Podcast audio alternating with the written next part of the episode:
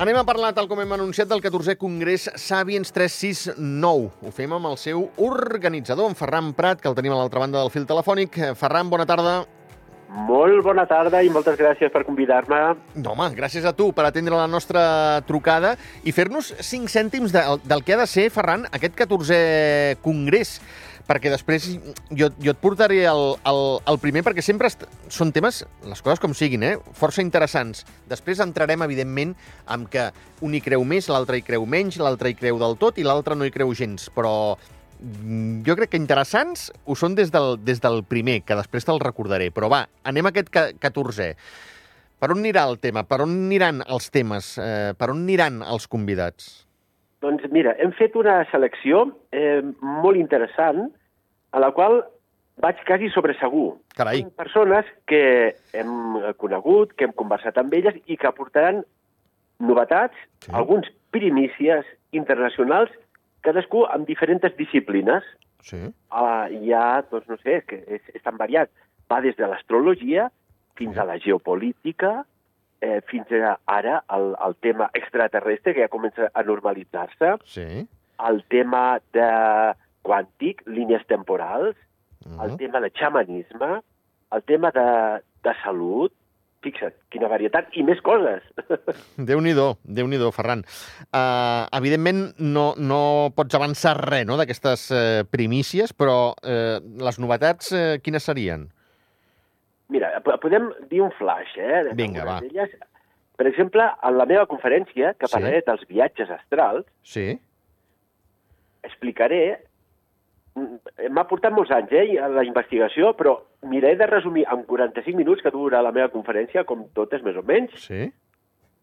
quina estranya correlació hi ha entre el cinema i events futurs veniders.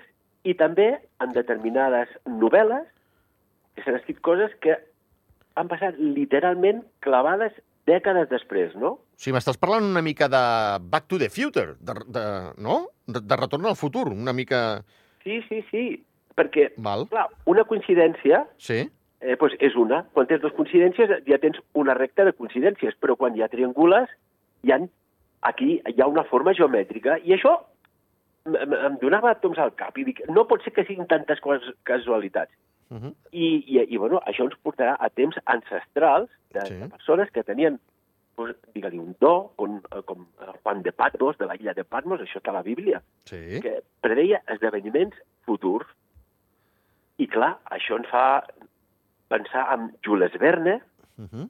ens fa pensar en guionistes i directors d'algunes pel·lícules, com, per exemple, Matrix, sí.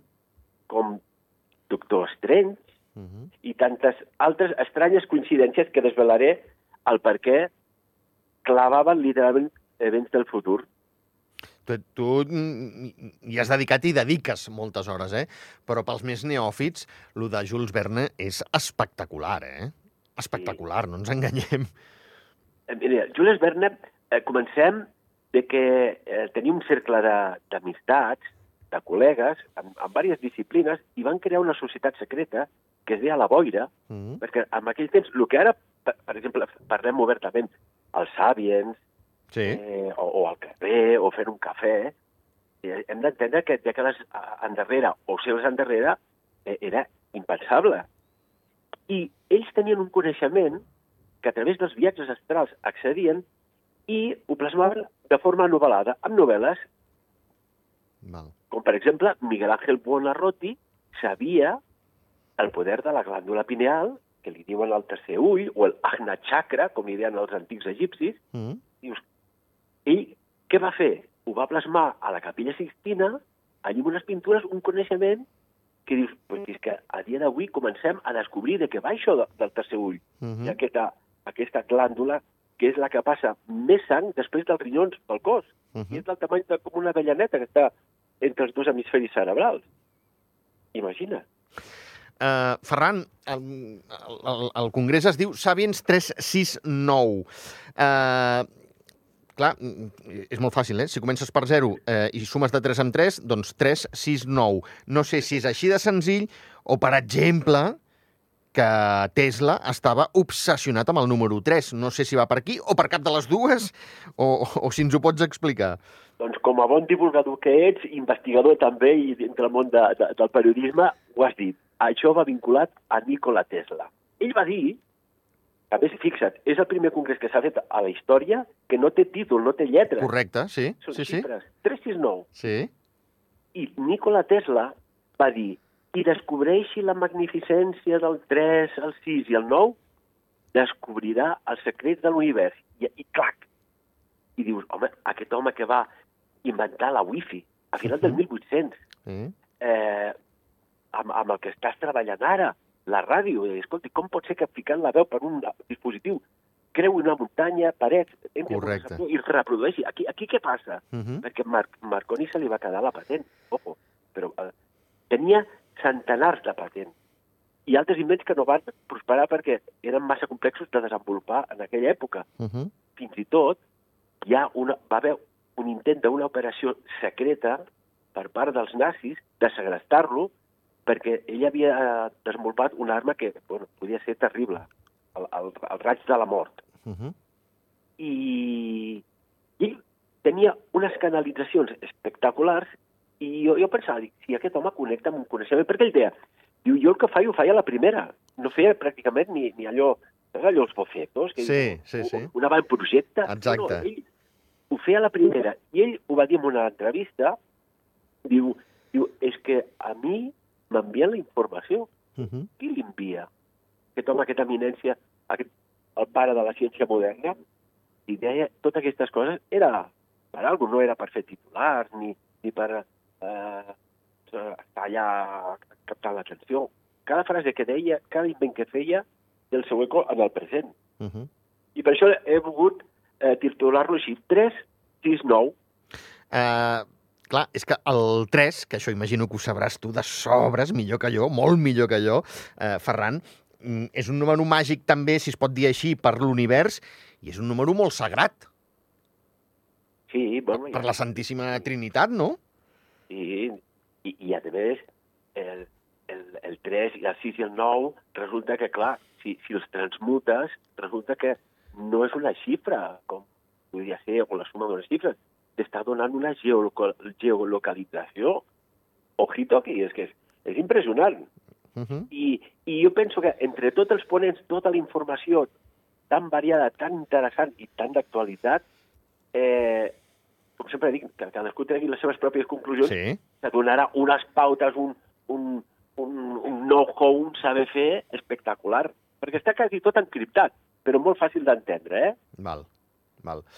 Eh, Ferran, deixa'm que et pregunti, i t'ho he dit abans, que et traslladaria aquell setembre de, de 2010.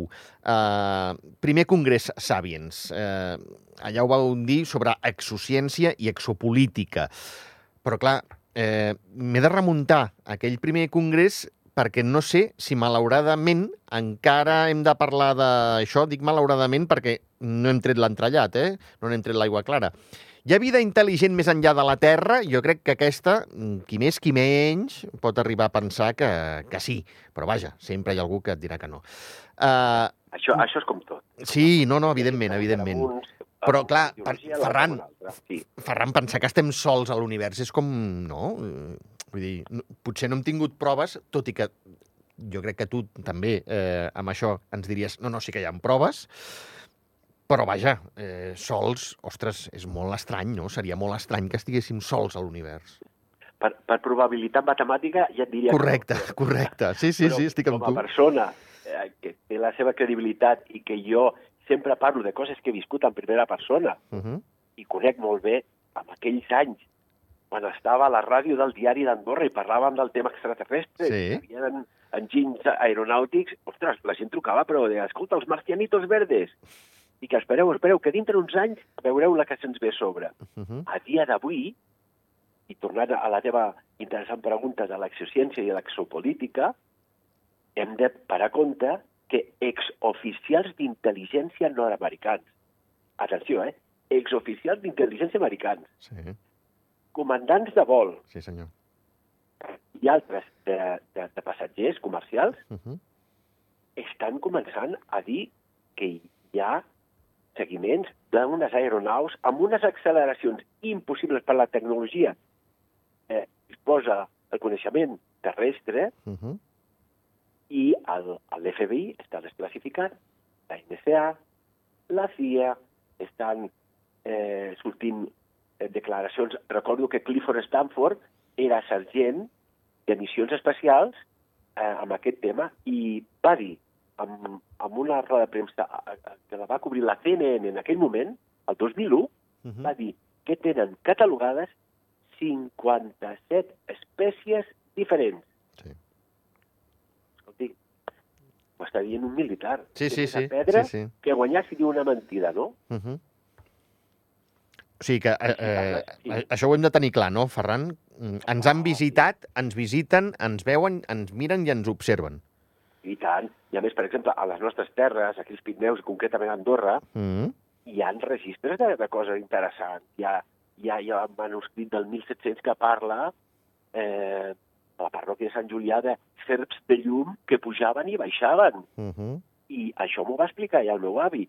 El llac d'Engolasters, Sí. que tampoc fa tantes dècades que està fet, Uh -huh. el nom d'Engolasters ve perquè allí va haver una fenomenologia lumínica una nit, algo estranyíssim, d'una llum molt potent que baixava, Sí. es posava allà, quan no hi havia encara el llac, eh? Era, era allò en bosc, però que era com una mica de- d'altiplà, se posava allà, pujava i baixava, pujava i baixava, i engol, engolí Sí. les terres, els astres, d'aquí el nom del llac d'Engolasters. Ostres, bona. Mira, no ho sabia, Ferran. Bona. Sí, sí. I mira, no fa gaire setmanes, què fa? Un parell de setmanes me truquen de França, escolta, que ens, ens està passant aquí una estructura enorme, Sí. eh, direcció més o menys cap, a, cap aquí a Andorra. Estigues pendent, jo ràpid, els prismàtics a mirar, i sí, a, a l'alçada més o menys va entrar per, eh, per la cordillera, diguem-ne, d'allà al Comà Pedrosa, baixant Sí. a l'alçada entre Arinsal i la Massana, zona d'Erts, Mm. allí es va veure una estructura lumínica, es va detenir durant dos o tres segons i va pujar en vertical, però amb una acceleració espectacular. I ho vaig filmar, però aquests mòbils no donen la resolució que, que, que, que Sí. ha xilamat. Si Sí. arribo a tenir una càmera professional, us ho hagués compartit perquè va ser espectacular. Bueno, eh, t'he de dir, Ferran, eh, com que amb aquests temes ets solvència contrastada, eh, quan he dit que, que parlaria amb tu, hi ha gent que m'ha enviat un vídeo de coses que es veuen, eh, bueno, d'una cosa que es veu cada dia, em diuen, eh? Al cel, eh, més o menys a sobre Sant Julià, com una mena de bola de colors. El que passa, clar, eh, aquests mòbils... comentat- Eh, és... M'ho han comentat moltes persones. Val, val. És veritat. Val. No, no, no, he vist, aqu- no he vist aquestes imatges, però m'ho han comentat. Escolta, aquí hem vist una esfera de llum Sí, i, i, i tampoc fa... Què fa? Tres mesos endarrere, a la zona de Can Diumenge, els Vilars, per allà, hi havia una esfera metàl·lica i va veure persones de, que, de, de reconegudes d'Andorra que m'ho van dir, escolta, això què és? Dic, pues, normal no és, un avió no és, un helicòpter tampoc, Tampoc, sí, un sí. Un dron, molt menys. Uh -huh. I, I, clar, no te, malauradament, eh, Ferran, no, no, no els has conegut. Però tu creus que... Ara seré molt, molt, molt bèstia, eh? Perquè Vinga, et, et parlaré com parlo als amics, eh? Que són tan, tan, tan llestos i tan evolucionats que ens veuen i diuen mare de Déu, senyor, deixem-los en pau, que aquests no s'enteren de què va la pel·lícula, o eh, algun dia d'aquests baixaran i ens diran hola, eh, venim d'un altre planeta. Vinga, va, doncs anem a ser bèsties i et, donaré da dades que són, són no preocupats, però sí eh, les hem de, de, de mirar amb cura. Ja no venen. Estan. Això, Estan. punt número 1. Altres esferes, inclús de la OTAN, estan preocupats amb això. Està, Això ja- però aleshores, Ferran, estan vol dir que tenen el mateix físic que, que, que un humà. En aparença, sí. Val. Sí, sí, sí. Aparença, eh, eh, aleshores, què hi ha eh, sota? Doncs, doncs mira, hi ha una tecnologia tan sofisticada que, imagina't, una civilització que ens porti, eh, va, poquet, eh? Sí? 3.000 anys d'avantatge d'evolució. Coroi. 3.000, que no és res, eh? Diríem a l'època dels faraons, més o menys. Ja, ja, ja, ja, ja. Però, ostres, Tu creus Ferran... que no existirà una tecnologia ja hologràfica que tu veuràs... L... Clar. No, perdó, que els altres veuran el que Sí. tu vulguis que veguin de tu? Sí. De fet, ara en el món de, la- de, de l'alt espionatge existeixen les màscares d'hiperrealitat, Sí. que, que, escolta, si no vas allí i li claves un punxó a la cara, t'asseguro que no saps si és eh, la cara autèntica o és la màscara d'hiperrealitat. Doncs hi ha alguna tecnologia, diguem-ne, hologràfica, Sí. que projecta algo, i això està dit per gent que ha vist com sortien, per exemple, d'un lloc a un altre, hi havia un canvi de forma, Sí. eh, i dius, pues, això només es pot fer amb tecnologia. Però, aleshores, eh, em tiro de la moto, eh, Ferran, i t'ho dic així, en, en, en idioma col·loquial. Eh, sota què hi ha? Un, un rèptil o, o, no, o no es pot definir? Bueno, a veure, hi ha, hi ha, hi ha com va dir aquest militar, 57 espècies. Unes, imaginem, si, si teòricament fem cas a Darwin, que venim del mico, eh, i agafem un rellotge de 24 hores, si venim del mico, la nostra evolució equival va, a un minut d'evolució. Imagina't aquells rèptils que ja havien a la Terra si han tingut hores d'evolució. Sí. A lo millor han evolucionat a formes ja pues, erguides, eh, bípedes, eh, amb, evidentment amb un, han tingut molts, molts segles de- d'evolució mental i pues, eh, hi ha unes formes reptiloides, que és el que va dir que el militar, erguides, que caminen... Mira, eh, parlant de reptiloides, fa com a 20 anys endarrere estaven fent unes obres a prop d'un jaciment a Egipte. Sí. I en sec passava un taxista amb, amb els seus clients per allà, anaven a algun lloc, i en sec veuen els, els operaris allí tots esbarats, no sé, oh, que s'havien enfonsat al terra, Carai. al taxi, i allò, el típic que faríem tots, va, vas ajudar a veure què ha passat aquí. I l'home explicava, diu que els, els, el terra es va enfonsar i, atenció, eh, va veure com si fossin reptiloides allí corrent cap aquí, cap allà. Va dir aquest home, i Carai. si agafes on hi ha la làmpara de Dendera, a Egipte, aquell Sí. gravat, sempre veiem la famosa làmpara que si sembla una bombeta, té una forma curiosa, però rarament mostren el que hi ha a la dreta de la làmpara. No. Només cal fixar-s'hi que allí hi ha una mena de reptiloide eh, erguit, amb unes eines a la mà, i dic, això, escolti, és com si agafem un, un llangardaix i ha evolucionat a una forma més, més, eh, més eh, entre cometes, més humana. Sí, sí, sí, sí, sí, sí, sí. Després hi ha molts casos, això va estudiar un psiquiatre de Harvard en una escola, aquest cas va ser molt sonat, a Zimbabue, eh, una escola d'aquesta, digués, de- o- occidental, que estaven allà, i en sec veuen alumnes i professors que aterra una aeronau allà al pati, pum, Mhm. I surten uns éssers d'una forma, allò que li diuen els grisos, baixets, amb un cap molt enorme, uns ulls així negres en forma d'ametlla, Mm. i, i allò van veure, aquest psiquiatre va anar, els va entrevistar, tots van dir el mateix, tot quadrava, ningú, no havia hagut una al·lucinació col·lectiva, i, i allí està un cas constatat de que, de que va aterrar una aeronau. Carai. O, per exemple, el que a la dècada dels anys 50 això va- agafava molta velocitat, perquè ja quan feien a la Segona Guerra Mundial els raids a bombardejar l'Alemanya nazi, Sí. eh, pilots de, dels aliats, eh, sigui de la RAF o de les Forces Aèries Nord-Americanes, deien que hi havia unes esferes, ja els diré, les Foo Fighters, unes esferes que els seguien. Mhm. I clar, tenien molta por que no fossin tecnologia alemanya, que sabien que estaven molt avançats, que, que poguessin intercedir. I no, no, simplement els seguien. O, o per exemple, un altre cas, allà en plena Segona Guerra Mundial, al, al front, amb l'operació Barbarroja dels, dels alemanys contra la URSS, Mm. va haver a, a Kuban eh, un, un fet insòlid. 1.500 soldats de la Wehrmacht alemanya van morir carbonitzats, que no congelats, van quedar però com a petrificats, i els, eh, quan van anar les forces eh, russes, es van quedar estupefactes perquè però què ha passat aquí? Ha explotat una bomba? Què, què, què? I deien als, als dels pobres més, eh, més propers que havien vist unes estranyes esferes en aquella zona on van aparèixer tota, tot aquell regiment de, de, de militars, de Sí. soldats alemanys, però petrificats. Carai. Uh, ets un pou, eh? Ets un pou. Escolta'm, Ferran, n'haurem de parlar més, eh? N'haurem de parlar més sovint. Home, ja saps que la ràdio a mi forma part de la meva vida. Do, doncs escolta'm, no, no ho tornis a dir, eh? no, no ho diguis en veu alta, que, que si, si no t'hem de molestar massa et seguirem trucant, perquè és que és molt interessant aquest tema. Sí, hi ha, hi ha molts altres temes, perquè i a més estan entrelligats. I el que sí està clar és que ha el, el senyor Òscar Mateo farà una conferència sí. dissabte a l'Hotel Roc Blanc sobre l'agenda oculta extraterrestre, perquè no ens equivoquem hi ha una agenda que s'està portant, però pam, pam, pam, pam. Si no saben de què, eh, els estaments militars, exoficials, d'intel·ligència, estan fent eh, rodes de premsa públiques explicant el que han vist, com ho han vist, fins on poden explicar. Perquè coneixen aquesta agenda. Home, perquè han treballat i ho han vist. Val. El que hi ha. Val.